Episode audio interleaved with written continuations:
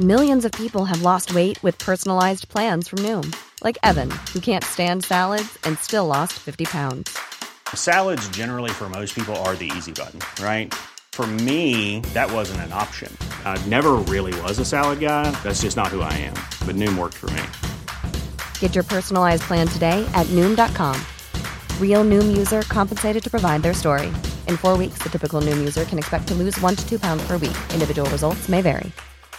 A lot can happen in three years, like a chatbot may be your new best friend. But what won't change? Needing health insurance. United Healthcare Tri Term Medical Plans, underwritten by Golden Rule Insurance Company, offer flexible, budget friendly coverage that lasts nearly three years in some states. Learn more at uh1.com.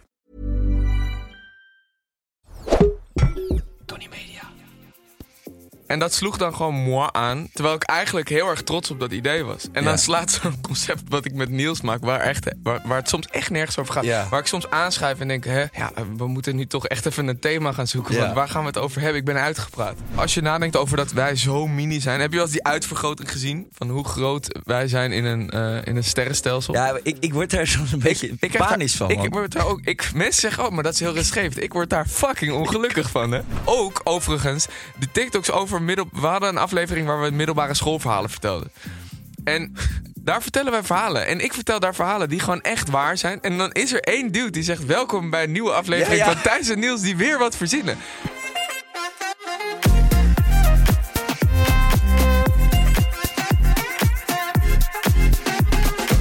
Dames en heren, welkom bij weer een nieuwe aflevering van de Even Relativeren. En ik zit hier met Thijs Boermans. Boermans, dat Boerman. klopt. Ja. Boerman. Ik zei, is het nou Boerma, Boerman? Ik ken je natuurlijk wel. Maar die achternaam, ik heb sowieso een soort namendyslexie. Heb je dat? Ja, ik heb dat zelf zo benoemd. Maar ik vind het heel moeilijk om namen te onthouden. Ik ook, man. Ik heb alleen maar met heet ik? gezichten. Ik heb... Zeg? Hoe heet ik? Wat? Hoe heet ik? Eh, eh, Kai Gorgels. weet je dat? Top. Weet je dat? ehm, je hebt toch hoe. eh, ja, dit is even helemaal, helemaal een ander onderwerp alweer. Maar je hebt toch hoe sommige mensen. Je hebt twee manieren hoe je een map in je hoofd kan krijgen, toch? Je hebt of je herinnert aanknopingspunten, Ja. of je hebt de hele map uit je hoofd. En Heb als je ooit een hele map uit je hoofd nou ja, geleerd? bijvoorbeeld als je nu naar de map van Amsterdam kijkt, toch? Dan Aha. weet je waar de grachtgordel zit en daar zitten dan verschillende buurten. Maar ik heb altijd dat ik aanknopingspunten nodig heb, omdat ik alleen maar straten herken of eh, bepaalde gebouwen in richting een bepaalde plek. Ja. Dus als ik naar het centrum moet, dan moet ik eerst langs mijn vader bij het Museumplein. Of als ik vroeger een broodje wou halen, dan moest ik eerst langs mijn school. Ja. Ging ik alleen maar om. En ik denk dat dat hetzelfde is, een beetje in diezelfde lijn ligt als met namen onthouden. Dat je gewoon, als je een gezicht herkent, dan bedenk je er een soort een eigen verhaal bij. Maar dan heb, vergeet je die hele naam. Maar dan kon het ook wel eens voorkomen dat je dus eigenlijk langer deed dan nodig. Ja, ja, Dat je ik dan per se langs die ene snackbar wilde, omdat Nee. dat herinner- herinnering was. Nee, ik reed alleen maar om. Ja? Ja, alleen maar. Ja, maar het was voor mij was Ja. het een stuk rustiger. Want als ik zomaar... Ik kan niet de snelste weg vinden van A naar B. Dan Nee. ga ik van A naar A1 naar B, zeg maar. Grappig. Ik heb wel bijvoorbeeld op Ibiza, heb ik, ja, daar heb je eigenlijk, je rijdt redelijk snel hetzelfde weggetje. En dan word ik dan ja, altijd een beetje verveeld van of zo. Dan denk ik, ja, ik ga nou gewoon eens naar links. En dat brengt me dan op de meest rare plekken. Dan moet ik over allemaal zandwegjes met kuilen en zo. Dan ben ik een uur Ja. langer bezig, bij wijze van. Maar dat vind ik dan, ik gewoon, in mijn hoofd heb ik dan ineens zo, nee, je gaat nu een keer wat anders doen. En kom je dan op mooiere plekken? Ja, je, ja, je komt sowieso op gekke plekken. Maar je denkt ook wel eens van, what the fuck. Maar je bent ook verdwaald, toch? Ja, dat ben je ook. En je, hoe heet dat? Google Maps, die pleurt eruit halverwege. Omdat je ergens in de ja, moet zitten. precies. Maar het is gewoon iets van in je hoofd. Soms sta je ook voor zo'n splitsing van links-rechts. Je kan het allebei doen, maar links voelt lekkerder of zo. Ik weet niet waarom. Ja. ja, dat is gewoon persoonlijk. Ja. Daarom eh, ben ik ook altijd te laat. En hoe ben jij hier Ik heb- gekomen vandaag? Wat, wat waren je aanknopingspunten vandaag? Nou, ik had eh, bijvoorbeeld, ik wou eerst gaan sporten en dat heb ik ook wel gedaan. Alleen ik, ik ben toen naar Zuid gegaan, Amsterdam Zuid, voor, om, Ja. vanuit eh, Oud-West, om daarna vervolgens naar middencentrum te gaan. ja. En- En dan denk ik er niet bij na dat ik ook ergens in het centrum nog een andere plek heb waar kan sporten, een ander filiaal van diezelfde sportschool, die dan vijf minuten lopen vanaf hier is. ja. Ik, de- ik kan die link gewoon niet leggen. Maar hoe deed je dat vroeger op school dan? Kwam je altijd te laat? Nou, ik kwam altijd tot. Ik heb zelfs vrienden die, eh, die mij dan, eh, als, als we afspraken maken, mij andere tijden aangeven. Ja. Gewoon van Kwartier later of zo? kwartier, Nee, kwartier eerder hebben we Oh, ja. afgesproken. En ik weet het dan niet. En dan kom ik een keer vijf minuten op tijd, zeg maar, soort van. En dan ben ik daar tien minuten te vroeg. Ja. En dan denk ik, ja, sorry, maar dit is ook, nu ben ik echt te vroeg. Dat vind Ja. ik echt niet fijn. Ja. Zo, zo ben ik. Dan sta je daar met je ziel onder je armen van. Ja, het voelt heel onnatuurlijk dan. Ja. Terwijl je bent nu als je keurig op tijd. Ik was nu zelfs te vroeg. Ja, Maar ja, dat was ook misschien omdat jij een beetje laat was. dat klopt wel, ja. Want ik kwam weer een half uur later, dus misschien heeft dat meegewerkt. Waar kom je vandaan? Rotterdam. Oh, je moest helemaal uit. Maar het is kleren weer op dit moment voor de mensen die dit kijken. Het is nu nog aan het sneeuwen, natte sneeuw en rotzooi. Nou, ik, ik, zou, je- ik, ik moest gisteren, joh. Ik was gisteren aan het. eh, gisteren was ik aan het filmen voor eh, GTST. Ja? En toen moest, eh, moest ik zingen met de rest. Ja. Ik kan, Kan je zingen? nee, ik kan voor geen meter zingen. Nee? Dus ik, ik, ik, ik kreeg wel echt een kronkel. Ik dacht, dit wil, ik ga gewoon op de achtergrond en eh, pak gewoon maar veel shots van de rest. En ik doe heel stil mee. Maar een mannen, mannenstem, die is best wel aanwezig, omdat hij wat lager is en wat zwaarder. Ehm, ik weet niet eh, hoeveel context ik mag geven, of het nou al uit is of niet. Maar in ieder geval, we moesten zingen met de hele Ja. kast. Maar we stonden daar in de regen met tien acteurs. En het was gisteren aan het sneeuwen. Ja, klopt. Met min, min 5 en heatwarmers in je, in je schoenen en in je zakken. En warmtekruiken. Het is allemaal heel droevig. Stond ik dan te kijken naar, naar, naar een plek. En dan was ik daar aan het zingen. Geloofde totaal niet in mezelf. Iedereen aan het nat regenen. En dan denk je... je speelt een begrafenis na, toch? Het Neem ik voelde, aan. het, voelde als, het voelde, zo- voelde zo droevig als een begrafenis. Ik dacht op een gegeven moment, ja, dit is, dit is toch niet echt wat ik me had voorgenomen toen ik dacht, ik ga GTST spelen. Nee, het is allemaal niet eh, een en al glitter en glamour, zeggen ze dan. Maar het is, toch, het is ook gewoon, eh, nou ja, half maart of zo nu en het sneeuwt. Ja, klopt. Maar kijk, als we dadelijk april aantikken, dan eh, begint dit toch allemaal wel weer gezellig te worden. Ja maar, ja, maar een beetje zeiken totdat het mooi wordt is ook wel fijn. Want dan kan je je soort van mentaal voorbereiden op het leuke, toch? Ja, maar ik denk dan altijd, als het nu nog een beetje sneeuwt, dan trekt het dadelijk ook weer sneller weg. Er zit geen theorie achter, maar goed, dat denk ik dan maar. Hey Thijs, jij hebt mij eh, een paar weken geleden uitgenodigd in eh, jouw podcast, of Ja. jullie podcast moet ik zeggen, met nieuws. Ja. Eh, was hartstikke gezellig. Borrel praten gaat natuurlijk vooral over eh, feesten en eh, we hebben het veel over afters gehad. En, eh, ja, we hebben het wel een beetje geknipt nog. ja, we hebben Anders het een werd het echt wel een hele droe, heel droevig gesprek. Ja, er werd een gesprek over hoeveel feesten we allemaal gehad hebben in, in ons leven. En hoeveel we nog drinken of hoeveel we niet drinken. Ja. Is, dat, is dat ook een beetje het leven waar jij in zit op dit moment? Veel feesten, drinken, dat soort dingen? Of Nee, niet meer. nee? Nee, ik heb dat echt wel heel erg lang gedaan. Eigenlijk heb ik het mijn hele leven gedaan. Vanaf dat ik... Vanaf dat je één was? Ja, nou ja, ik bedoel, zo lang leef ik ook nog niet. Ik ben 26. Maar ik heb dat gedaan toen... eh, ik denk dat ik daarmee begon toen ik, eh, weet ik veel, 12 was of zo. Mhm. En, eh, en ik denk echt na, na expeditie, dus dat is in. Wanneer was dat ook weer toen ik daarheen ging? April. Ja. We leven nu in, in maart, in maart, het jaar erop. Daarna ben ik echt een beetje rustiger geworden. Hoe kwam dat dan? Nou, ik kreeg. Ik, ik heb gewoon eh, enorm veel prikkels. En ik ben gewoon chaotisch. En ik heb. Ik had altijd dat ik een beetje in een. eh, een beetje aan het zoeken was gewoon na, na mijn studie. Ik, ik heb wel altijd de dingen die ik, waar ik aan ben begonnen, heb ik afgemaakt. Welke studie deed je? Ik heb, eh, ik heb Nijrode gedaan als bachelor. En daarna heb ik aan de VU een master afgerond. In welke richting? economie. Oké. Dus, maar ook meer gewoon voor het idee om, om, je, om jezelf, nou ja, om te, te disciplineren. Ja. En, van, en wel iets, iets af te maken waar je aan begint. Maar dat is eigenlijk niet waar, waar mijn interesse ligt. Nee. Dus ik ben na expeditie kreeg ik GTST. En dat is wel echt rammen. Dat is gewoon alleen maar scènes erop pompen. En daar kan je niet echt, je kan je niet echt veroorloven om daar, eh, ja, daar gewoon brak te staan. Omdat je gewoon, je, nou, Niels zei het vorige keer ook, je mist gewoon je cues en zo. En het is Ja. gewoon een beetje treurig dan. Ja. Dus dat is eigenlijk en je heel... bent heel blij met deze kans, neem ik aan. En wil hem ook niet zeker. verspelen. Nee, zeker. Dat sowieso. En ik weet ook dat ik, eh, dat ik dat niet voor lief moet nemen. Maar ik vind het heel... Het is voor mij heel fijn, omdat het... Als ik gewoon... eh, als, ik, als ik dingen in het vooruitzicht heb... dan kan ik mezelf makkelijker eh, een richting geven. En dan helpt dat mij ook mentaal heel erg. Dus eigenlijk heeft Expeditie Robinson zakelijk en ehm nou, werktechnisch je dus wat kansen gegeven. En dat heeft er ook voor gezorgd dat je leven gewoon anders ingericht is nu. Ja, ik durf gewoon nu niet meer... gewoon om tot zes uur. Ik durf gewoon niet meer mezelf in een club eh, een fout te laten maken. Of zo. Niet dat, dat ik daar dan sta en dan weet ik veel dat ik iets raars doe. Ik, ga- ik bedoel, het hoeft niet, hoef, hoef geen voorbeelden te krijgen, maar Maar hoe is Borrelpraat tot stand gekomen? Want op het eiland. ja, Ja, En, en, en de naam Borrelpraat, jullie hadden gewoon veel gesprekken over uitgaan of stappen. Of... ja, n- ja. Wat op, heb je niet, eh, heb je expeditie gedaan? Ja, ja. Oh, sorry. Nee, maar ja. Eh, eh, ja, nou, op een gegeven moment heb je tijdens, we hadden tijdens expeditie dat op, ehm, het ging er niet. Niels die kwam, wacht, ik ga het anders zeggen. Niels die kwam op een gegeven moment met, ja, sorry, maar we zitten hier nu, we zijn zo hard aan het afzien.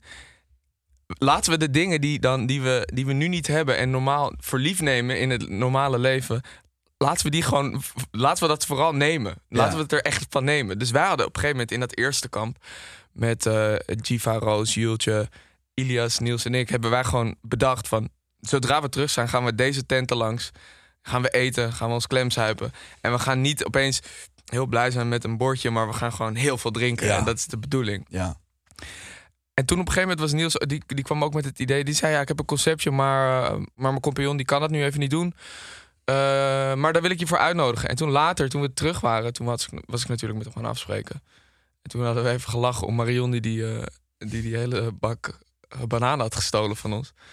En toen zei ik van ja, het lijkt me eigenlijk best grappig. Want ik kan me heel erg vinden in hoe jij bent. Je bent wel iets ouder, maar we hebben veel te veel overlap. Ja. Eh, kunnen we dat niet samen doen? Ja. En toen zei hij van ja, laten we dat anders gewoon gaan doen. En toen hebben we dat gewoon. ja, toen zijn we gewoon met lichtstatieven naar, naar allemaal barretjes in Amsterdam gelopen. En dat is heel goed gaan lopen nu. Dat is echt heel erg fijn. Het, is, het is ook echt leuk om te doen. En je ziet dan op een gegeven moment dat het gaat lonen en zo. En dat mensen daar echt naar luisteren. Ik stond laatst in de sportschool. en Toen kwamen er gewoon drie gastjes naar me toe. Die zeiden: Ja, we luisteren het nu. Toen dacht ik, hé, maar ik kan me, het is voor mij niet tastbaar, toch? Nee. Als ik in een film heb gespeeld en die is eh, in de bioscoop bijvoorbeeld, dan kunnen mensen zeggen van, oh, ik had je daarin gezien. Maar ik ga er niet echt vanuit dat mensen luisteren naar, naar de gesprekken die je voert in je, in je podcast. Nee, maar ik denk dat het succes ook is dat je... Je, je bent gewoon slap aan het ouwe hoeren. Ja, er zit echt geen, er zit nee, geen maar rode dat, draad. dat is lekker. En ik denk dat er gewoon veel aan de hand is in de wereld. En dat ehm, dat ook de reden is waarom dat soort podcasts gewoon op dit moment goed beluisterd worden. Want wij krijgen bijvoorbeeld die podcast met Monika krijg ik ook vaak. Ja, ik luister jullie podcast, het gaat helemaal nergens over, maar ik ben helemaal verslaafd. Maar ik denk dat dat juist het ding is, dat het nergens over gaat. Want je zet het aan tijdens het koken, sporten of je gaat, wa- of je gaat even wandelen. Of je zit in de auto. Of je zit in de auto en je hoeft niet zoveel na te denken. En je vangt gewoon wat op van het gesprek. En dat is Ja. bij jullie ook. En jullie hebben natuurlijk ook een aanstekelijke chemie. Eh, nou ja, plus dat daar interessante gasten bij aanschuiven. En die hebben allemaal Ja. weer eh, nieuwe verhalen. Dus ik denk dat dat gewoon eh goed, een goede cocktail is voor eh, succes. Ja, ik, ik weet nog namelijk dat het toen, er, toen het corona was, heb ik ooit iets anders geprobeerd. Waar ik dan. Ja, dat, is, dat is echt best wel, best wel jammer, vind ik. Maar daar had ik dus echt wel iets moois gemaakt, vond ik, met een productieteampje. Eh, dat heette, heette toen de Spotlight. ja. En daar gingen we dan de diepte in met acteurs. Gingen we die scènes ontleden. Pakten we één scène uit, eh, uit een artistiek project en eentje uit een hele commerciële. En eh, daar had ik dan de rechten op gevraagd bij de producenten. En dat hadden we dan mooi aangekleed in een kleine bioscoop met, met veel camera's Ja. en zo. Veel, veel research naar gedaan. Allemaal vragen die afgestemd waren op de, op de, spre- of op de interviewer die daar, of op de gast die daar kwam. En dat sloeg dan gewoon moi aan. Terwijl ik eigenlijk heel erg trots op dat idee was. En Ja. dan slaat zo'n concept wat ik met Niels maak, waar, echt, waar, waar het soms echt nergens over gaat. Ja. Waar ik soms aanschuif en denk, hè, eh, wie, wie, wie komt er zo ook Ja. weer? Of, of als er geen gast is van, eh, ja, we moeten nu toch echt even een thema gaan zoeken. Want waar gaan we het over hebben? Ik ben uitgepraat. En dat werkt dan weer wel. Zeg maar, het, het- Maar ja. wat jij net beschreef, zeg maar, dat concept, dat is echt een soort niche. En dat, dat vind jij leuk, omdat het je, Ja, dat is omdat je, eh, je vak is. En daar ligt je interesse. Heel eerlijk, daar zou ik niet naar luisteren. Nee, je hebt gelijk. Je hebt echt maar dat denkt waarschijnlijk nog 90% van de mensen die niet acteert. Maar, maar ook als je nu even kijkt naar Videoland. Ja. Je kan daar hele moeilijke documentaires pitchen en eh, weet ik veel Grap, wat. ik heb dat gedaan. Dat, Ja, ik- precies, maar- Echt gewoon met dingen die echt wel iets bijdragen voor de mens. Ja, en wat- komen ze weer met, zo- met zo'n zo'n kut reality Echte programma. Meiden in de Jungle is volgens mij een van de best bekeken eh, series op Videoland van de afgelopen tijd. Oh ja? Ik heb daar één aflevering van gezien. Ik heb, ik heb het uitgezet. Want het, het ging mij gewoon te ver. Ja, ik, vond krijg ze- kronkels, man. Ik vond het helemaal krankzinnig, man. Ik denk, waar zit ik naar te kijken? Maar dat is dus de best bekeken serie van Videoland. Dus dat, ja, dat, dat geeft wel aan waar de interesse van de gemiddelde Nederlander ligt. En dan moet je niet roepen van, want dan zeggen nou mensen ook wel eens... ja, dat is een bepaald slag volk wat daar naar kijkt. Want dat is bullshit. Die demografie van de mensen die naar die programma's kijken Ja. is groot. En wij hebben ook bijvoorbeeld bij Geus en Gorgels... merk ik echt hoe platter onze aflevering is... en hoe meer seks en hoe meer dit en hoe Ja. meer dat... hoe leuker mensen het vinden en hoe meer daarna geluisterd wordt. En als wij een keer een wat serieuzere aflevering hebben...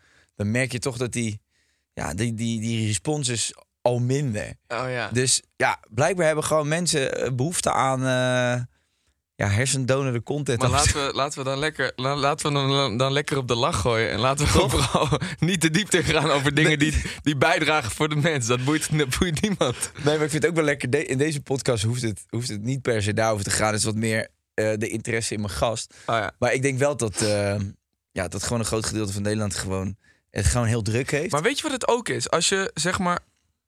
Heel veel mensen willen ook, als ze, als ze gewoon een, een lange week hebben gehad... Waar, waar je veel regen hebt gehad en zo... dan wil je zeg maar niet meer aan hoeven staan. Dan wil je gewoon lekker uit en dan wil je gewoon iets kijken... wat, Precies. wat je niet aan het denken zit. Dus als je dan gewoon naar, naar een programma kan kijken... waar je kan lachen en soms tenenkrommend eh, Ja. eh, plaatsvervangende schaamte hebt... Dat, is, dat werkt gewoon. Maar het is ook als jij eh, een lange werkdag hebt gehad en je bijvoorbeeld, wat ga je doen? Me- De meeste mensen gaan naar de kroeg met vrienden of spreken af of whatever. Ligt een beetje aan je leeftijd uiteraard. Maar, en dan is vaak het ding, de lijn binnen zo'n avond, is dat je gewoon slap ouwe hoert met elkaar en dat je even niet hoeft te denken aan Beetje het werk. gewoon. Toch? Ja. Ja, en, dan, en, en dat, is, eh, ja, dat is misschien ook wat je dan hoort in die podcast. En zeker als je naar jou en nieuws luistert, dan hoor je dat ook. En je bespreken eh, grappige avonturen, mensen kunnen zich erin vinden. ja. Hey, ehm, wel grappig als je ziet zeg maar, wat, eh, wat het effect is ook van, eh, van TikTok op eh, podcast hè, tegenwoordig. Ziek. Zo raar, maar dat is omdat er is nog. Ja, ik vind daar echt geen pijl op te trekken. Maar dat is volgens mij nog zo goed te schalen. Ja. De ene, de ene TikTok pakt een miljoen like, of Ja. een miljoen kijkers. En dan, ja, dan. ik bedoel, als je dat in ver- in verhouding moet zetten met hoeveel mensen er naar luisteren, wat ook heel veel is, vind ik. Maar dan. Je, bereikt zo fucking veel mensen. Het is ook natuurlijk weer. Het is hetzelfde als, als na, na zessen klaar zijn en gewoon tv kijken. Het is gewoon uur, uren scrollen naar zes seconden Ja. mensen gewoon de, de, de, het geheugen van een vis is ook zes Ja. seconden of zo. Het is gewoon, je hoeft niet geprikkeld te zijn allemaal worden. vissen. We zijn allemaal vissen in een kom. Het is eigenlijk best fijn. Ik, zou, ik was er eerst zelf ook niet van. En toen, op een gegeven moment zat ik er toch op. Ja, ik vind het hele platform geweldig. Ja. Ik moet gewoon echt lachen. En sommige dingen vind ik ook gewoon echt goed. Je ziet gewoon dat mensen wel echt goede humor hebben. Ik hoor dus dat, eh, dat zeg maar de jeugd, als zij iets willen weten of moeten opzoeken, Ja. ook qua kennis, dat ze TikTok gebruiken. En geen Google meer. Want het is natuurlijk met die zoekfunctie, je kan alles opzoeken. Ja, Zeg even wat, eh, je wil een, eh, een bank in elkaar timmeren. ja. En dan kan je gewoon invullen, bank timmeren. En dan kom- komen de filmpjes, zeg maar. Ja. Tutorials en dat soort shit. Dat is echt wel lijp. Het is, het is eigenlijk niet alleen ehm, een vergaarbak aan hersendonende shit. Maar Ja. je kan ook nog wat leren. Alleen, dan is natuurlijk weer de vraag van... balanceer jij het genoeg? Ja, en, en- en durf hoe- jij je telefoon weg te leggen... en ben je niet geen, geen slaaf van je apparaat? En Dat- hoe, hoe, heb je, hoe gek heb je je algoritme opgefokt? Want Ja. je kan ook echt in hele rare hoeken komen. wat, wat, wat voor shit komt er bij jou naar boven dan? Nou, ik had eerst dat ik, ja, ik vond dat heel kut. Ik had op een gegeven moment dat ik alleen maar eh, een soort, ik kreeg alleen maar e-commerce shit. En ik, ik Echt? bedoel, het boeit me echt. Ik, ik vond dat heel kut, want ik kreeg daar echt een beetje kortsluiting van. Ja. Ik dacht, ja, eh, eh, hou op met die gasten die, die je dacht van Van vertellen. dropshippen. Ja, het, ja, ik wil niet schelden, maar ik vind dat echt, ik krijg daar echt kortsluiting van. Ik wil dat gewoon niet zien. Maar misschien heb je die video's wel afgekeken omdat je je irriteert. En dan denkt TikTok, oh, hij laat hem staan. Dus Ja, nee, die rekent echt de zo. secondes uit. En die denkt, hey, Thijs vindt dit leuk. Ja, maar ook gewoon echt wel ratchet shit. Gewoon, eh, ja, I don't know. Ik kom zo wel op, op, op, op een paar filmpjes. En ik heb vrienden die mij echt hele leuke dingen doorsturen. En ik kon hun gewoon geen leuke dingen toesturen. Maar weet je waar ik allemaal terecht ben gekomen? Ik ben wel benieuwd. Ja, wat denk je? De conspiracy hoek, weet je wel. Ik Oh, kom ja. echt bij de lijpste shit. Oh, en, ja. eh, en, en ja, ik vind dat ook interessant. En ik geloof ook, eh, ik geloof ook dat deze wereld niet is wat we denken dat die is. Nee, nee, nee. Maar als je daar dus dan naar kijkt, dan krijg je weer een overload. En nu is mijn, mijn TikTok voorgestelde pagina is een partij duister geworden, jongen. Ik krijg alleen maar shit over Justin Bieber die helemaal misbruikt zou zijn in zijn jeugd en zo. En, en dan denk ik op een gegeven moment ook wel weer van, jongens, wacht even. Het is gewoon maandagochtend. Ja, maar Mag echt. ik ook gewoon even nog iets gezelligs zien? Even kappen nou met het algoritme. Nou goed, dan denk ik, weet je wat? Ik ga me weer eens even wat focussen op wat me gelukkig maakt. En dat zijn Ja. puppies en honden. Ja, dan krijg je weer de hele dag door Krijg je, honden. ook, krijg je ook complottheorieën over kleine puppies? Of? Ja, ja, ik wou net zeggen, ja, dat Justin Bieber zijn puppy heeft opgegeten of zo. En dat hij daar een blaf, weet ik veel wat. Nee, maar het is, het is Ja, maar je zit gewoon in een... Je komt, er, die cirkel die gaat alleen maar dieper. zo'n loophole. Ja. Dat is, kijk, dat, Dat heeft- is ook TikTok, hè? Je kan zeggen wat je wil over die Andrew Tate, maar wat hij geniaal heeft gedaan... is dat hij gewoon op een gegeven moment natuurlijk heeft gezegd... tegen al die mensen die die cursus bij hem afnamen... ik weet niet of je dat weet... We zijn opper e-commerce dude. Ja, hij had, dat, hij had eh, die Hustler University. En wat hij deed is, van, had je dus allemaal mensen die daar lid van waren en die daar die Ja. cursus volgden. En hij zei dan van, als jij mijn content deelt, dus dan was er een podcast opgenomen Ja. van hem, bijvoorbeeld met Thijs. Ja. En zij knipt die stukjes uit, die deel jij weer op je TikTok-pagina. Als jij mensen richting mijn Hustler University krijgt via dat specifieke filmpje, dan krijg je daar een commissie op. Juist. Eh, waardoor dus al die boys die die Hustler University volgden, die gingen content van hem delen. Waardoor zit gewoon een piramide uit. Ja, waardoor TikTok dacht van... Ik weet niet wie deze guy is, maar blijkbaar willen mensen hem zien. Want iedereen deelt shit van hem. Dus Ja. ah, zo is hij gewoon in, in een paar maanden tijd de allergrootste geworden. Maar hij is gewoon, hij, ik ben er ook heilig van overtuigd dat hij één grote marketingstunt is. Ja, ik vind dit ook een apart verhaal, man. En hij is natuurlijk nu opgepakt. En daar gaan dan ook duizend theorieën over. Daar ga ik mijn handen niet eens aan branden. Maar het is wel, het is wel een fascinerend eh, verhaal natuurlijk. Wat, wat daar in een paar maanden is gebeurd. Ik, ik zat Hiring for your small business? If you're not looking for professionals on LinkedIn, you're looking in the wrong place. That's like looking for your car keys in a fish tank. LinkedIn helps you hire professionals you can't find anywhere else, even those who aren't actively searching for a new job but might be open to the perfect role. In a given month, over 70% of LinkedIn users don't even visit other leading job sites. So start looking in the right place. With LinkedIn, you can hire professionals like a professional. Post your free job on linkedin.com slash achieve today. Ik weet nog dat ik in een taxi zat. En eh, ja, ik weet niet hoe jouw gesprekken in, in een taxi gaan. Dat ligt eraan wat ik gezopen heb. maar ehm, goed, op een gegeven moment was het... eh, ik, zat, ik zat in een taxi met een gast die ook heilig ervan overtuigd was... dat Andrew Tate een soort... eh, ja, hoe zeg je dat? Een eh, soort heilige was bijna. Dat alles wat Ja. hij zei klopte.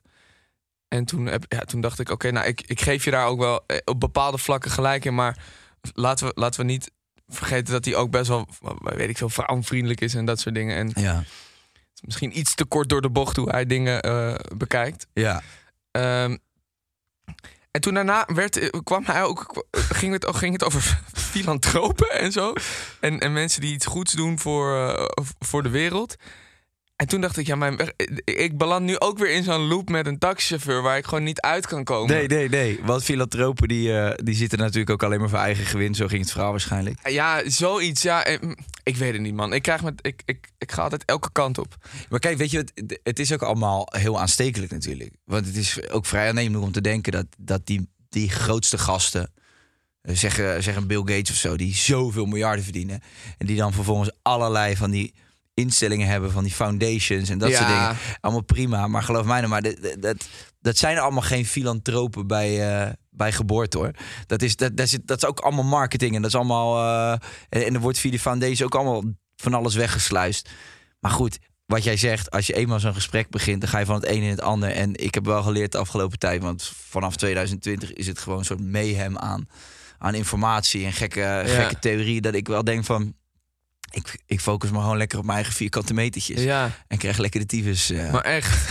wat, je, je wordt er echt niet gelukkig van. Nee. Van al Nee, die onzin. Maar ik, eh, ik, ja, ik, ik vraag me dan ook af of eh, die generatie onder mij dan. Want die is volgens mij weer heel veel vrijer, toch? Die Gen Z is. Die, ik die- weet niet wat ik van Gen Z moet denken, man. Die kijkt weer Beschrijf jij Gen Z eens aan Nou mij? ja, kijk, ik heb. Ik weet het niet, maar. Ik heb echt nog een soort gekke sociale druk gevoeld. Waar, waar- waarbij ik dacht, ik moet echt bijpoten. En ik moet zorgen dat ik het ook regel. En dat ik richting vind. En dat ik, genoeg geld verdien en dat soort dingen. En ik was in de veronderstelling dat, dat, dat de generatie die dan echt opgroeit met TikTok. en dat niet meekrijgt op een latere leeftijd. daar nog veel, heel, veel harder onder bezwijkt. Als je ziet hoeveel geld. hoe snel mensen geld verdienen op jonge leeftijd en dat soort dingen. Maar blijkbaar is die hele generatie weer een soort van. De hele andere richting Is ingeslagen. het zo? Fran, wil jij voor mij eens opzoeken eh, hoe ze Gen Z eh, beschrijven op, op online? Ik wil het wel even voorlezen. Ik ben echt benieuwd. Wa- wanneer komt er een nieuwe generatie? Zeg Nou. maar? Hoe werkt dat? Oké, wacht, wacht. Mij werd gisteren verteld dat ik nog Gen Z ben. Dat klopt toch niet? Ik ben Ja, maar ja- 1996. Maar ik ben ik voel me geen. Gen Z. Maar ik voel me, ik voel, ik mijn- voel me echt geen Gen Z. Nee? Maar, maar nee, maar luister dan. Ik wil geen Gen Z Zo, zijn. jij bent Gen Z. Nee, niet liegen. Zoek het op. Eh, Luister dan. Weet je wat eh, ook zo gek is? Nou. Je ouders noemen die toch boomers? Ja, klopt. Ja, ja, dat is weer zo'n boomer. ja. En nu hoor ik wel Die de AOW omhoog trekken. Ja, precies. Ja, heb je allemaal oordelen over. Maar nu zeggen ze alweer, ja, hij is zo'n millennial. Maar dat, voel ik, dat vind ik dus oud klinken. Oh ja. Oké, ehm, even kijken. Generatie Z gebruikt het internet doorgaans vanaf jong... mag ik even snel iets vragen? Nee, ja. Oké. Nee, doe maar. Ehm, want je, jij gelooft, je gelooft eh, redelijk in, in dat, dat alles op de wereld zeg maar een soort van eh fugazi is, toch? Een beetje soms. De Fugazi als in... Als in, het is maar, het is niet, het is, het is maar wat je er zelf van maakt, een beetje, toch? Ja, ja. Of nou ja, in ieder geval, je hebt, je hebt een, eh, je, kijk, je hebt een andere kijk op, op, hoe leg ik dit goed uit?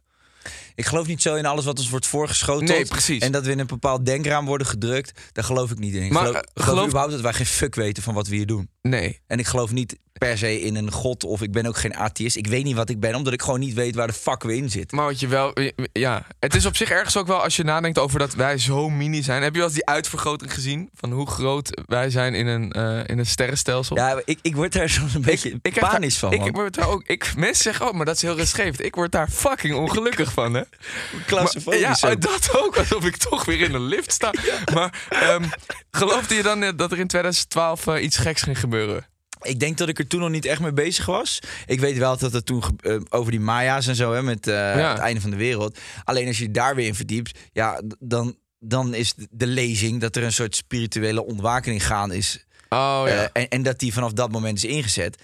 Het enige wat je denk ik allemaal niet kunt ontkennen... is dat er vanaf 2012 tot zeg 2020... en zeker 2020 als een soort ultiem begin... de wereld zoals wij die voorheen kenden... is compleet veranderd en weg. En dan kan je zeggen, ja, dat is sowieso evolutie en alles verandert. Maar ik heb wel het idee, als ik mensen in mijn omgeving spreek...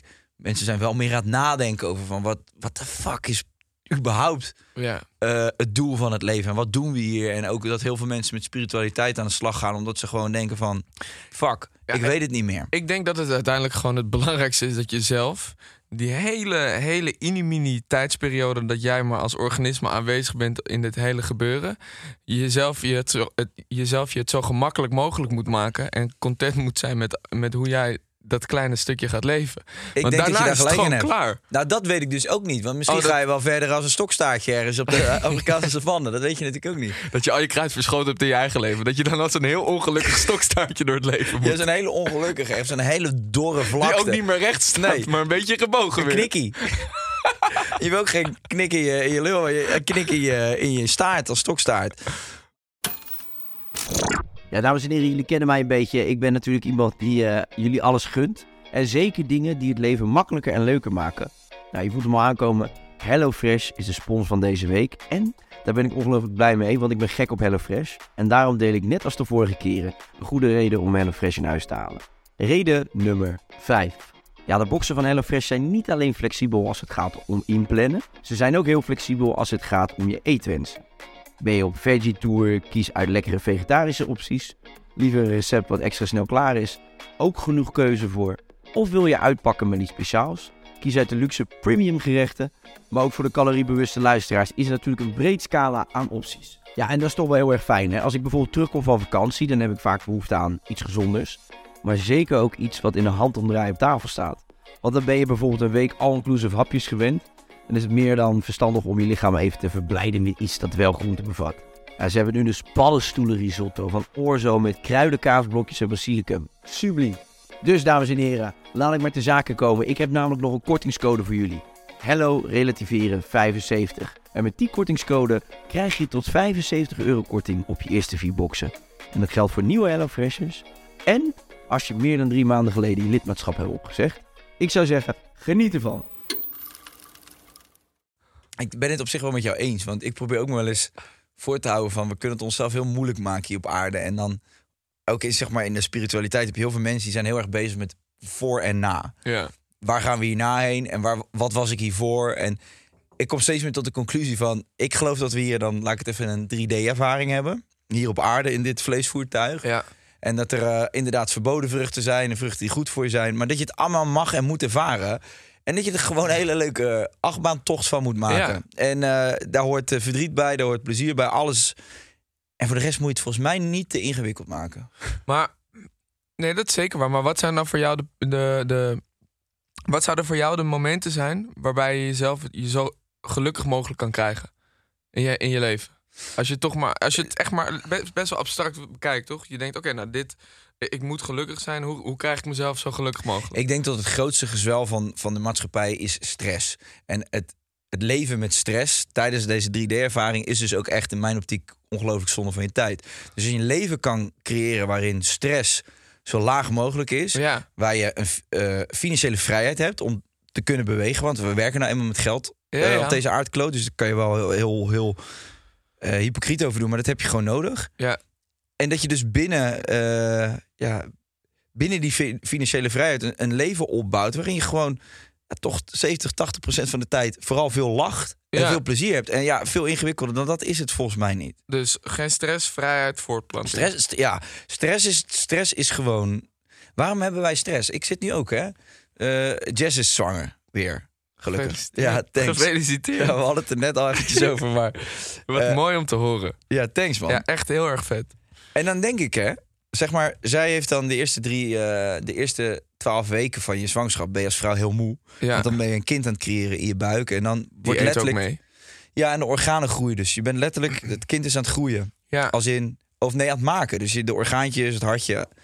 En de- ja, Jazz was gewoon echt op. En dan denk ik van, eigenlijk is het zo gestoord dat wij een soort maatschappij hebben gecreëerd waarin we eigenlijk ook van een zwangere vrouw verwachten gewoon dat ze gewoon gaat werken en dat het allemaal doorgaat. En dan mag je vlak voordat je gaat bevallen even verlof. ja. En dan mag je, eh, in, in, in, mag je daarna even nog met het kindje, even wat tijd. En dan gaan we, gaan maar gewoon weer door. De natuur heeft ons helemaal niet. De natuur heeft ons toch helemaal niet zo gemaakt. Eigenlijk zou je als zwangere vrouw moeten zeggen: ik ga gewoon de komende negen maanden alleen maar focussen op die zwangerschap. op die voortplanting. Snap wat ik bedoel? Maar dat is, het lijkt mij zo, eh, het lijkt mij zo surrealistisch om te bedenken dat. Het lijkt eh, alsof alles in perspectief wordt gezet als je eh, van dichtbij mag meemaken hoe je partner dan, of Ja. een vrouw, dan een, een, een kind gaat maken. Ja. Dat is, eh, van, ja, dan, dan boeit letterlijk helemaal niks meer. Nee, dat, dat ervaar ik nu ook steeds meer. Dat, dat echt alles. en dat wat- is denk ik echt, dat lijkt me een geweldig gevoel. lekker, man. Ja, het wordt allemaal heel onbelangrijk.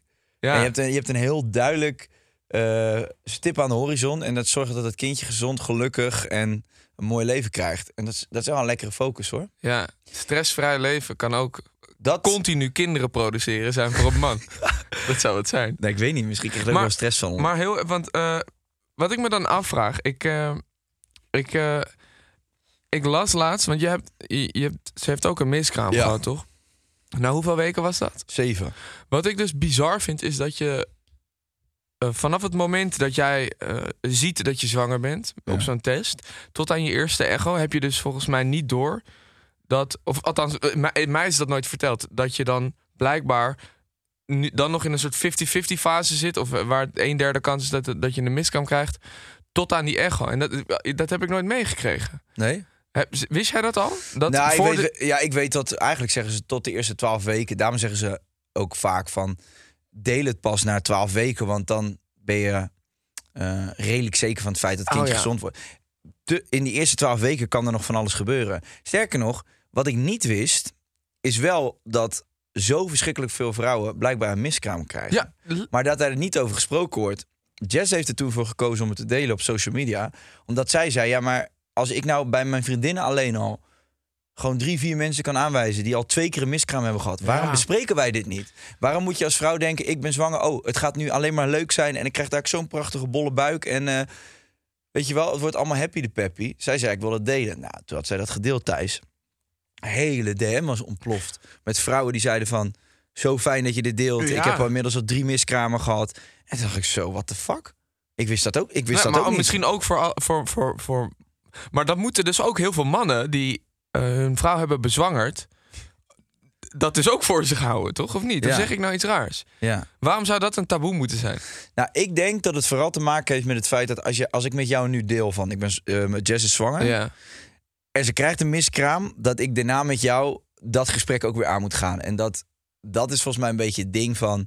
omdat het Oh, zoveel ja. verdriet oplevert... wacht even voordat je het met iedereen deelt. Ja. Want anders gaan mensen jou vragen... en hoe is het met je kindje? En dan moet je zeggen van, kut. Die is er niet meer. Volgens mij is dat het een beetje. Alleen Jess en ik zeiden van... Oké, dus wij gaan dadelijk aan al onze vrienden vertellen van... hé, hey, we hebben een kind of we krijgen een kind. Eh, en dat vertellen we dan wel. Maar op het moment dat we dus iets heel ergs meemaken... dan zouden we die beste vrienden dat allemaal niet vertellen. Dan hebben ze juist nodig. Dus ik ga het ze wel vertellen, ook al binnen vier, vijf weken. Ja. Omdat ik ook tegen hun wil kunnen zeggen van... luister boys, kutzooi, we hebben dit meegemaakt. We hebben jullie steun nodig of whatever. Snap je een beetje wat ik bedoel? ja. En is dit dan de mooiste. Is dit dan het mooiste. De mooiste is dit dan de mooiste periode uit je leven, denk je? Mm. Ik moet zeggen, in de eerste weken, als ik wel, dan, dan is het nog niet zo tastbaar. Dan ben je eigenlijk vooral ga je in een soort regelmodus. Want ik woon in Spanje natuurlijk, dus ik moet Ja. sowieso wat dingen regelen. En nu begint langzaam dat besef te komen. Dan zie ik haar dat buikje begint te groeien. Dat ik echt denk van, Oh. holy shit. Wat leuk. En je gaat je vrouw op een andere manier bekijken, man. Ja. Ze wordt een soort heilig. Ja, hè? Want je vrouw is gewoon leven aan het creëren naar buik. En je hebt ook echt zoiets van... En het is deels van jou. Ja, koop het. Dat, Dat zien we bij de bevalling wel. Ik ben dus benieuwd, mijn kind, eh, welke generatie die dan weer wordt, dat zullen we nog wel meemaken. Maar Dat- generatie Z Ja. gebruikt het internet doorgaans vanaf jonge leeftijd en in- integreert hun leven en integreert in hun leven het gebruik van computerprogramma's, apps en social media. Nou ja, dat verschilt niet zoveel van millennials, denk ik. Deze generatie is volgens Instituut voor de Nederlandse Taal opgegroeid en vertrouwd met de grote hoeveelheden digitale data om ons heen en wordt daarom ook wel de i-generatie of generatie Einstein genoemd.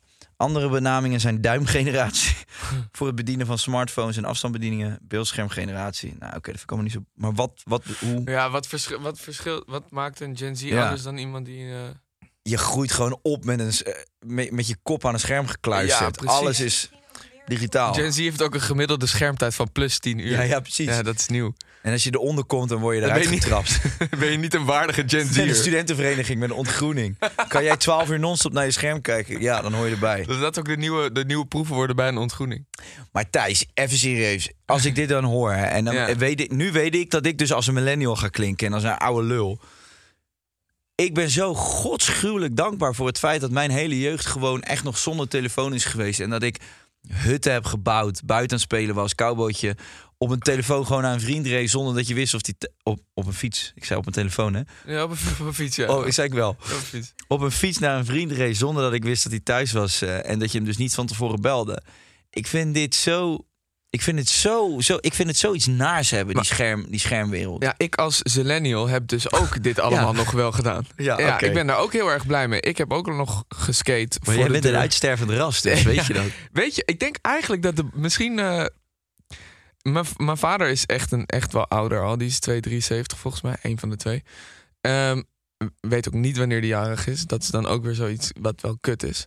Wat hij ook zelf niet erg vindt, want hij weet ook niet wanneer ik. Ja, ik wel het- af, ik- wacht, ik wel af. Ik zou Eh, dat ook niet weten bij mijn Ehm, ouders. Nee. Ik moet het altijd Nee, maar- opzoeken. Ja, ik hecht er ook niet Juni zoveel en mei, dat is het enige wat ik weet. Ja, precies. Nou, ik januari en juni of juli voor mijn moeder. 9 Of juni- augustus. Het was 9 juni of 10 juli. En een van die twee is dan Snijders verjaardag. Want dat was mijn favoriete voetballer. Oké. Goed, ik ging ook voetballen en skaten en alles doen en zo. En ik heb ook op een gegeven moment pas een telefoon gekregen. Eh, en ik zou, als ik later ook een kind krijg, weet ik niet of ik heel erg, heel erg blij zou zijn met het idee dat, dat er alleen maar Candy Crush gespeeld kan worden. Ik, ik, zou hopen dat ik, ik zou wel mee, als millennial wel meegeven aan mijn kind dat ik, eh, of als ik een kind zou krijgen, om, eh, om, om gewoon te gaan voetballen met hem of haar. Weet je, weet je dat ik echt gewoon, want ik ben het helemaal met je eens. Weet je dat ik echt blij ben dat ik nu op Ibiza woon? Omdat dat, ja, dat is gewoon heel erg in de natuur. Ja, Heel erg veel buiten. En doordat het lekker weer is, ga je ook makkelijker naar buiten. Dat ik denk dat het voor mij in ieder geval iets makkelijker zal zijn ja. om veel met mijn kind naar buiten te gaan. eh, dan dat als ik hier in een Phoenix-wijk zou wonen en het buiten grijs is en, en je kind ja, natuurlijk de hele dag door op school ziet dat iedereen met een telefoontje loopt. Want ga ze dan maar eens afleren om, eh, om dat ding te gebruiken. ja, maar ik denk dus dat het ook een soort gemak is van een ouder om gewoon een iPad in je hand te duwen van een kind. Dat is het ook. Eh 100%, want je ziet dat in die restaurants ook gebeuren. Maar ja, ik heb ook al veel vrienden van mij die, die zijn al ouder en eh, die hebben al kinderen in die leeftijdscategorie. En die hebben zichzelf het allemaal voorgenomen om het te gaan doen zoals wij nu bespreken. En, die doen en het dan slijt, ja. het slijt er toch in. Dus ik ben heel benieuwd. Je- Jess he- heeft dezelfde voornemens om gewoon echt te zorgen dat dat, dat zo min mogelijk gebeurt. Alleen helemaal gaat het je niet lukken. Ik bedoel, dit is, ja, je kan ook niet tegen je kind zeggen... we willen niet hoe je leert om met een telefoon om te gaan. Want dan wordt het een soort halve... Maar het zou wat zijn als je dus. Dat, zou wel, dat is dan wel weer heel grappig. Stel je voor, je geeft je kind dan wel een iPad. Ja. En dat kind leert dan opeens heel veel van, van alle data die je krijgt. Van die, Meer maar, dan dat je zou doen als je zou gaan voetballen. Omdat je dan alleen maar tegen een bal trapt. maar ik denk ook wel dat kinderen veel leren door... eh, Ze slaan op als een spons, hè? Ja, ja dat, dat betwijfel ik dus. Want je hoeft dus niks meer te onthouden. Want als jij nu... Stel je voor, je weet gisteren... eh, iemand heeft jou gisteren een mooi verhaal verteld... Ja. over dat er in 1992 ergens in Urk iets gebeurd is en dit en dit. en je vond het een mooi verhaal, maar je bent het nu alweer vergeten. Jij kan nu op Google Urk 1992 gebeurtenis intypen en waarschijnlijk komt dat verhaal Oh ja, ja, ja, ja. Dus je hoeft ook geen kut meer te onthouden, omdat het allemaal ergens wel in de, in de eten hangt. Dus ik denk, want vroeger, mijn, mijn vader en mijn moeder, Ja. is er nog bijna een paar echtscheidingen gekost. Maar die gingen gewoon kaart lezen naar Frankrijk, naar allemaal van die moeilijke dorpen. Ja, Je moet je nou eens voorstellen dat iemand zegt: hey, je, je moet naar Frankrijk en dit is het plekje waar je heen moet en dat moet je even met de kaart gaan doen. ja. Ik zou redelijk in paniek raken, denk ik. Ja, nou, ik al helemaal. Ik ben al heel slecht met kaart. Jij komt uit Hongarije. ik ga eerst even om. Langs die snackbar van je vader. Al die herkenningspunten in Amsterdam. Ja, nee, maar echt. Ja, ik, ik, ik, ik vind het al een wonder hoe... eh, mijn vader die rijdt dan ook wel eens naar, naar Limburg of zo. En dan weet hij precies de weg. Ja, ik weet het echt niet. Nee. Ik weet het echt niet. ik heb echt maps, Waze en kaarten naast elkaar. En dan, ja, dan lukt het wel. Ja. Ik pak het, ik, ik gebruik echt voor 10 10 minuten rijden pak ik ook nog een, een maps erbij. Ja. Hier zelfs naartoe ook. Ja. Ja, ik dacht midden in het centrum. Ja, dan weet ik. Ja, nee, ik ben ook beschuldigd aan. Ik doe het ook snel. Ja, ik toch? heb dus ook als ik hier wegrij, dat doe ik inmiddels niet meer, omdat ik me, mezelf erop betrapte. Ik heb hier, nou ja, Sam, we nemen hier nu twee jaar op, toch? In deze studio. Ik heb denk ik de af, nou, zeker anderhalf jaar lang. Dat is echt van die garage naar de snelweg is echt letterlijk 10 minuten. Ja. Dat stukje heb ik altijd op Google Maps gereden. ja, toch? Om de, en, maar ik zal je ook zeggen, ik sloeg het ook niet op die route, omdat die Google Maps aan Ja, en toen zo. dacht ik, uit dat ding en ga eens gewoon uit je kop rijden, man, idioot. Ja. En dan zie je ook hoe makkelijk het eigenlijk is. ja, totdat er een straat afgezet is. Ja, maar en, en dat gebeurt gelukkig niet zo vaak in Amsterdam. Nee, gelukkig niet. Tering. Ja, dat is echt een ramp. Ja. Dat is echt niet leuk. hey, maar eh, als jij, eh, als jij zo naar, als je naar je toekomst kijkt, hè, volgens mij wil je wel, je wil ook wel kinderen op den duur. Ik zou wel kinderen willen, ja. Ja. Zeker. Maar maak jij je wel eens zorgen om, ehm, om waar het dan allemaal heen gaat, zeg maar? Met die wereld. En, en, en dat je wel eens. De, heb je wel eens zo'n hele Ja, nee pessimistische man, gedachte? ik heb dat dus niet. Ik Nee? denk, nou, we hebben het toch net gehad over... over eh, ja, dat klinkt egoïstisch, maar ik denk dat iedereen egoïstisch en eh, gefixeerd is op zichzelf. Als je het hebt over hoe jij je leven het leukst wil indelen, dan, dan is voor mij is een kind hebben dat, dat daar, daar onderdeel van. Ja. En ja, Ja. Of, je nou, ja of het dan, of het dan over, of het overbevolkt is of of het te warm is, ja. I don't know. Het gaat zeg maar mij omdat ik Ligt heel graag, ja, ik wil me gewoon heel graag voortplanten. Ja, dat klinkt misschien egoïstisch voor iedereen die denkt, ja, ik zet er, ik zet geen kind op de wereld omdat ik vind dat dat er al zoveel misgaat. Nee, maar ik maar vind, je bent dit kleine stukje in, het, in zo'n geheel, vind ik. Nee, je, je hebt gelijk. Ik, tenminste, ik vind ook sowieso de pessimistische gedachte dat, dat we dan maar geen kinderen meer moeten maken, want die kunnen we geen mooie toekomst meer bieden, vind ik echt achterlijk. Volgens mij is er één ding wat zo in onze natuur gegrift zit, Ja, en dat nou ja, is voortplanten. Ja, dat is letterlijk en zo. overleven. Dat Ja. zijn twee dingen die je als mens altijd wil, volgens mij. Eh, en, en dan zouden we daarmee stoppen. Ik denk juist dat wij weer een generatie kunnen neer, te, te, ter wereld kunnen brengen Ja. die het gaat oplossen. Ja, net als ja, ooit gingen apen staan en de ene boven de, boven de hei die, eh, die wist een leeuw te ontwijken. En nou, misschien heb heb je dan straks een kind die het verschil gaat maken. Ja, Die, die, ja, I don't know. Misschien wel met wat minder, op, minder leefoppervlak, want alles is gestegen. Maar I don't know. Dat is, ook, dat is ook mijn zaak niet meer als ik er niet meer ben. nee. Nee, dat moeten ze zelf gaan uitzoeken. Ja, dat is, dat is dan weer aan hun. Het lijkt me zo interessant ook als je... Op een gegeven moment ga je merken dat je een soort generatiekloofje begint te krijgen met je eigen kind natuurlijk. En dan ja, is je kind Maar hoe oud ben je nu? 32. Ja, maar dan, dan ga je dus nog best relatief. Of ik weet niet of dat, of dat zo is. Maar ik vind dat wel een hele leuke leeftijd om vader te zijn. Ja, ik dacht vroeger altijd, toen, zeg maar, toen ik 18 was, dacht ik, oh, als ik 40. 21 ben. Nee, Oh, nee, 21? ik wilde jong kinderen. Maar omdat ik, toen ik 18 was, dacht ik, als ik 21 ben, ben ik helemaal het veentje, heb ik alles geleerd, ben ik helemaal klaar. Oh ja. Nou, dat viel tegen. En toen was ik 25, dacht ik, zo, ik weet nog vrij weinig. En ik ben ook nog een kind. Ja, en toen werd ik 30 en toen dacht ik, oeh.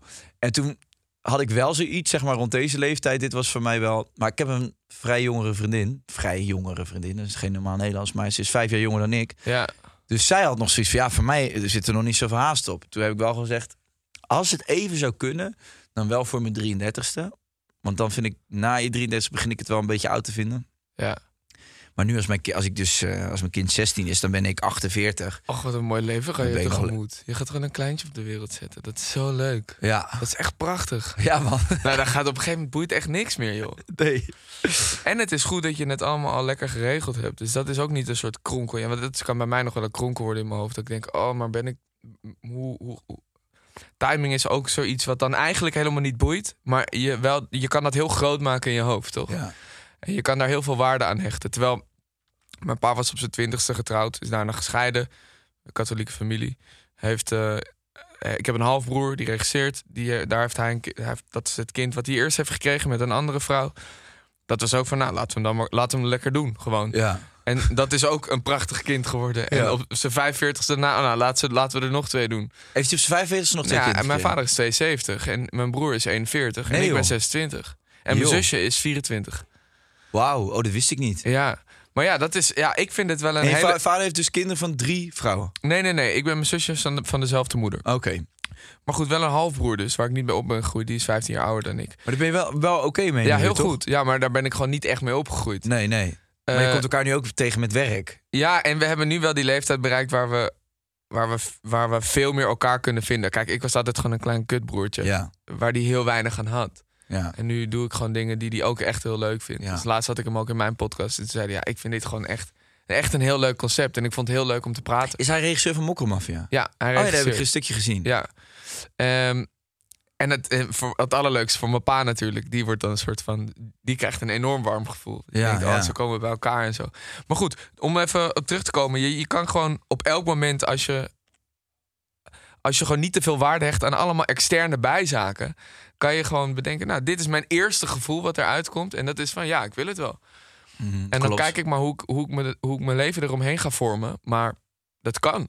Het kan nee, gewoon. 100 procent. Ja, nee, ik ben ook niet van doemdenken. Heb ik nooit gehad. Nee. En ik, vind- ik ben het helemaal met je eens. Je kan gewoon altijd... eh, je hebt altijd wel regie over, eh, over veel dingen in je leven. Hoor. Ja. Ook al lijkt het soms niet zo. Ik en ben- het is ook leuk om het gewoon maar te ervaren, toch? Ja, en Of ook... vind je dat je wel echt, echt wel goed moet nadenken over, over alles wat je doet?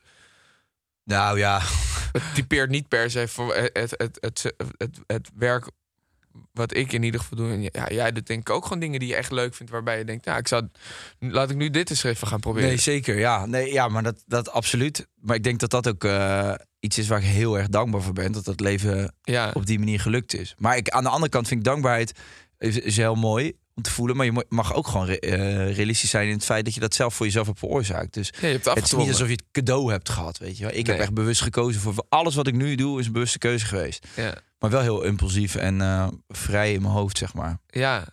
ik vind het geweldig. Precies zo zou ik mijn leven willen hebben. Wat zijn, eh, want je bent nu 26, je acteert, even gewoon toch nog een klein kijkje in de toekomst. Ja. Wat, wat zijn een soort van vervolgstappen die je voor je ziet nu? Oh, dat is heel moeilijk. Normaal gesproken, ja, ik, ik, ik zou daar, als ik een antwoord had, had willen bedenken, om een soort van eh, zeker te klinken van wat ik wil, had ik dat wel gegeven. Maar ik heb, weet het echt niet. Nee? Ik denk dat ik eh, voor nu eh, het heel leuk vind om bij GTST te spelen. Ik wil die podcast wil ik breder trekken en dat vind ik echt leuk.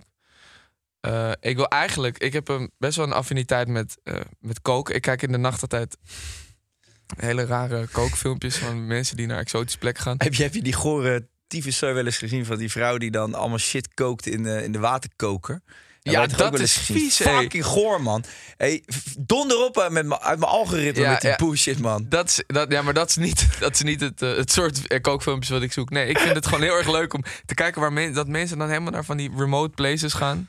Ah, sorry, want ik moet niet. ah, Ik kreeg laatst ook weer de TikTok. Waarom praat iemand iedereen Engels? Ik zoek gewoon soms naar een woord. Ik kan het niet vinden in het Nederlands. Kijk, heb je een Wordt daar zo, zo hard op af. Ook overigens, de TikToks over middel. We hadden een aflevering waar we middelbare schoolverhalen vertelden. En daar vertellen wij verhalen. En ik vertel daar verhalen die gewoon echt waar zijn. En dan is er één dude die zegt: Welkom bij een nieuwe aflevering Ja, ja. van Thijs en Niels, die weer wat verzinnen. Ik vind dit. Ik, ik, ik merk dat ik echt getriggerd word daarvan. Want het is gewoon echt waar. Het is niet gelogen. Het is misschien wel een mooi idee. maar- Weet je wat ik ga bedenken voor de volgende aflevering? Ik ga gewoon weer met allemaal verhalen komen. En dan ga ik er eentje doen die echt niet klopt. En dan mag je gaan raden. En kijken hoe je, of je er dan met uit. Ik werd daar zo Ik heb pissig die van. reacties gezien. Ik heb hem ook wel eens gehad. Op een vraag wat ik Hoe weet hij dat nou? Ja, Bel meneer Van der Wiel. Bel mevrouw Lievens. What the fuck? dan zet die nummers in beeld dan. Ja, nee, ik kan, ja, ik kan niet de Nederlands docenten. Maar ik, ik dacht echt van, ja, maar sorry. Eh, eh, Neem dan een podcast op met die leraren. Nee, Zal joh. ik dat gaan doen? Nee, joh, Thijs, Doldestraat, je moet je toch niet zo druk maken om die reacties, Ja, ik vat het heel persoonlijk op. Ja, soms triggert iets in je reacties je wel. Ja, dat klopt. Ik zie ook wel eens een DM voorbij komen. En dan zit ik ernaar te kijken en denk zo... als ik je nou had gezien, had ik je zo verschrikkelijk harde kopstoot gegeven. Ja, mensen zijn echt eh Maar ja, genadeloos. en dan moet ik, ik moet er soms ook wel om lachen. Maar je, nee, je, je moet het lekker laten gaan. Ja, ik, ik zie dat is allemaal nog redelijk nieuw voor mij. Dus ik moet daar echt een welkom beetje... bij verhalen die niet zijn gebeurd. Je maakte me zo boos, joh. Was jij 14 en zat je met mij in de klas? Nee. Nou Nee. goed, prima. Ik moet dat gewoon een plek geven. Ja, en TikTok, nu ook- TikTok is medogeloos. Ja, dat is waar. Dat is echt zo. Om, weet je, daar hadden wij het van de week ook over. Kijk, bij Instagram heb je gewoon een groep volgers die je volgt. En ja, over het algemeen denk ik dat die je leuk vinden. Anders volgen, volgen ze niet. En anders sodemieten ze maar lekker Ja. op, toch? Ehm, dus die krijgen dan content van jou te zien. Nou, die vinden dat over het algemeen denk ik dan leuk. Dat mag ik hopen, ja. Maar door TikTok is er natuurlijk een ding ontstaan. Dat, dat gewoon, er wordt van alles gewoon eh, het algoritme ingedrukt. Dus iemand die jou niet volgt, kan jouw filmpje zien. Ja. En die ziet dat dan twee keer per week. En die gaat zich ineens irriteren aan je. En die denkt, komt die kut thuis weer met zijn gebral? Wat lult die nou, weet je wel? En die zit dan op de pot helemaal chagrijnig en die tikt dat dan. Maar ik vind het wel... ehm, dat vind ik wel... eh, dat hadden wij ook met eh, Reels op Instagram. Met die podcast van mij en Monica.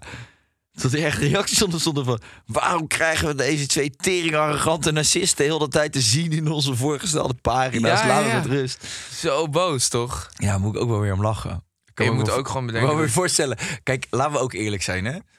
Dus zeg maar... Dat de hele podcast game is misschien ook wel een beetje too much aan het worden. Hij is zo verzadigd. Ja, Iedereen heeft een podcast. En dus ik kan me ook voorstellen, als je geen podcast hebt en je bent gewoon. Je gaat gewoon even door TikTok heen en je ziet weer zo'n stel. Ja, ja. Brallen zoals deze stukjes misschien ook weer mensen Ja. gaan zien. Dat je ook wel denkt. Wat een tering saaie rotzooi is dit, man. Iedere keer van die mensen die denken de leukste verhalen te hebben. Ja, maar ja, goed. Start je podcast dan. Start, je, nee. start je eigen podcast. Wij, ik denk, Monika en ik hebben me echt al best wel lang. En mijn eigen podcast, deze FRTV had ik nog langer. Die ik al een jaar voordat ik met Monika begon. En dat was in een periode. Ik was- werd weer geïnspireerd door Amerika, omdat daar was het een Oh ja. een groot ding. Naar wie keek je? Ja, Joe Rogan en Oh ja. Mike Tyson had toen een Maar podcast. dat was wel... Ja, we- hij, hij, hij gooit gewoon een podcast van drie uur eruit, of niet? Ja, maar dat vond ik dan wel vet, omdat hij aangaf, of daar, eigenlijk daarmee aantoonde. Kijk, ik ben opgegroeid met die YouTube-video's, ook als, als maker, Ja. eh, wat ik met nieuws vroeger allemaal deed. Dat je snel, het moest snappy, korte spanningsboog, wat je nu op TikTok helemaal niet had. Ja. En Joe Rogan liet juist weer zien van, fuck dat. Dat ik hoeft heb niet. gewoon 3,5 uur gesprek en je chopt er maar op. Ja, En dat doen ook veel mensen. En ik in coronatijd deed ik het ook. Half uurtje met koken, half uurtje met... En sommige stukjes vond ik saai, sloeg ik over. Maar ik vond het wel chill dat het gewoon eh, er was. En toen dacht ik, ik ga zelf lekker podcast maken. Ik heb toch geen reet te doen. De Nee. hele wereld lag stil. Maar en, en ik moet wel zeggen... maar jij dat- kan ook wel lekker praten. Kijk, het is, het, het is natuurlijk voor, voor mensen die denken... ja, het gaat helemaal nergens over, maar het luistert wel lekker. Dat is, dat is de reden waarom mensen... Ja, de reden waarom mensen gewoon luisteren is omdat je... je vult gewoon hun... de tijd die ze moeten overbruggen in. En Ja. als, je dat, als jij dat doet op jouw manier, wat je al jaren doet, dan... Het is gewoon aangenaam. Maar dan, als afsluiter, ben, je wel, ben jij nog wel eens in stilte? Of ik zelf stil ben in mijn eentje. Nee, gewoon dat je dus nul afleiding hebt. Dus dat je niet een podcastje luistert, geen telefoon. Ben, kan je, zou jij nog iemand... Oeh. Zou jij op een bankje kunnen zitten in een park en zou je vooruit kunnen turen? Ehm, Zou dat heel onrustig worden? Nee, ik, nee, ik kan dat wel. En het is best, best wel fijn als, als je de hele tijd prikkels hebt. Ik, ik heb het laatst had ik het toen ik eh, naar mijn oma ging. Die woont dan ver buiten de stad. En dan kom je op een gegeven moment en dan, dan loop je buiten en dan hoor je opeens niks. En dan denk je, oh, dit is, dit is heel anders. Dit, is, dit, dit voelt en, en hoort ongewoon. Zeg ik dat goed? Nou goed, dit ervaar ik als heel ongewoon. Ik snap wat jij bedoelt. En ik vind het heel fijn om dit even te doen. Moet dan ook zeggen dat ik na een uur of twee denk: waar is de, waar is de ruis? Waar is de rest? Ik hoor niks. Zelfs als ik dat heb, als je helemaal boven op een skipiste een paar duizend eh, meter hoog staat. En je, en je ademt een soort hele gezonde lucht in. Ook weinig zuurstof, dus ook een beetje licht in je hoofd. Maar je hoort daar, niet, je, je hoort daar helemaal niks. Dat is, dat is echt super fijn. En ik zou, het, ik zou het graag willen. Ik ben nog niet op een plek waar ik niet continu geen, eh, muziek, geen muziek in heb. Want ik heb het altijd in. Ja. Of ik luister naar iets, of ik kijk iets. Of ik ben bezig en ik zie mensen om me heen. Dus die drukte, dat is voor mij heel gewoon. Maar ik zou wel... Ik denk dat ik ooit een leeftijd ga bereiken... waar ik dat heel erg nodig ga hebben en fijn ga vinden. Ja, ik denk dat iedereen dat wel... eh, want je zei het net over die podcast van... Je helpt mensen met het invullen van hun tijd. Ja, Maar eh, die is gewoon... Dus zelfs als je nu aan het sporten bent... wat dus al dopamine oplevert... ja. wil, je er nog, wil je er nog iets overheen toppen. Want dan wil je je favoriete muziek. Maar Ja. het sporten alleen zou al een momentje moeten zijn. Ja. Dat je aan Ja, het sporten bent. Maar de dopamine die je aanmaakt, is hetzelfde als. eh, vind ik bijna hetzelfde als liedjes opzetten. het is weer iets. Het is weer iets wat je jezelf geeft. Dus of het. Snap je wat ik bedoel? Ja, dat is ook zo. Het is een beloningssysteem. Dus je krijgt de Ja, hele tijd een cadeautje door dat gevoel. Maar doordat je dat gevoel aan, aan het toppen bent, heb je ook steeds meer nodig. En het is dus ook zo dat je minder snel tevreden bent met iets. En ik denk dat als je, dan heb je het over die dopamine detoxes en zo, waar, Ja. waar, waar ze in Amerika nu veel mee bezig zijn. Is dat je dat helemaal reset. En ik luister dus een podcast over eh, van de Huberman Lab en dat ging over die dopamine detox. En hij vertelde over dat sporten. Hij zegt, dus do- doordat, doordat je dan gaat sporten, hier is je eerste dopamine kick. Ja. En dan kom je aan meer, meer, meer. Ja. Het is gewoon echt, je bent gewoon echt Ja, een junkie voor dopamine. het is echt zo. En dan muziek. Dat is de verslaving van sport, hè? Ja, maar dan pak je de telefoon. Want je hebt dus, oké, je bent sporten, je hebt muziek in. En weet je wat je dan doet? Dus we kijken of die laatste story al, eh, of daarop gereageerd is. Ja. Dan even kijken of er nog mail is. Even kijken in die WhatsApp. Ja. Eigenlijk is het lijp. Terwijl je denkt, ga sporten. Ben even daar. Ja, ja, ja. Eh, eh, doe een oefening, ga zitten, rust. Terug naar die oefening. In plaats van in die rust appjes te beantwoorden, te versturen, weet je wel. Ja, dat slaat nergens op. Dat is het enige moment waar je dat even allemaal uit kan zetten. Maar goed, als je daarna dan, daarna dan met vol dopamine eh, aan- aan- op je telefoon zit, denk je: oh, maar nu voel ik me wel productiever. Dat is gewoon drugs, Ja. eigenlijk. Probeer, om af te sluiten, probeer maar eens je ogen dicht te doen en helemaal aan niks te denken. Dat kan bijna niet. Dat is een techniek die ik later, hoop ik, ooit ga leren. Ehm, ik, zou dat, eh, ik zou dat heel graag willen. Mediteren moet je dan. Dan moet ik dat gaan proberen. Leren mediteren. En daar heb je gewoon echt cursussen voor. Het kan wel. Ja, het lijkt mij fijn. Het Het lijkt is, mij niet, heel het, is heel, het is heel moeilijk. En zeker als je overprikkeld bent. Je moet wel echt jezelf in een rustige situatie brengen om daar te kunnen komen. Maar het is wel, dat is wel interessant om een cursus voor te voor. Ik ga binnenkort... eh, want ik mediteer al best wel een tijdje. Maar ik heb het idee dat ik een beetje vastloop. Ja. Ehm, dus ik krijg gewoon een cursus doen om dat gewoon echt onder de knie te krijgen. Beter. Interessant. Stuur me dat eens door. Ja, is goed. Dus een gozer die ik ken, dan ga ik je doorsturen. Ehm, ja, jongen. Top. Hey, eh, mag ik je vriendelijk bedanken voor je komst? Ik vond het een gezellig gesprek. Het ging alle kanten op, maar ik hou er wel van. Eh, dus bedankt voor je komst nogmaals. En eh, ja, we zien elkaar vast wel weer snel ergens in en rondom het Amsterdamse. Hè?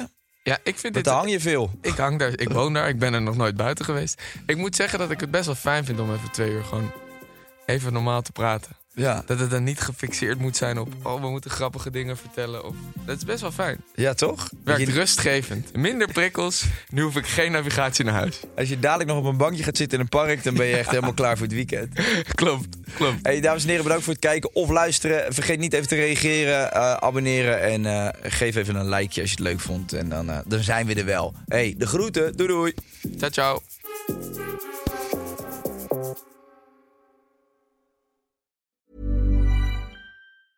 Even when we're on a budget, we still deserve nice things. Quince is a place to scoop up stunning high-end goods for 50 to 80% less than similar brands.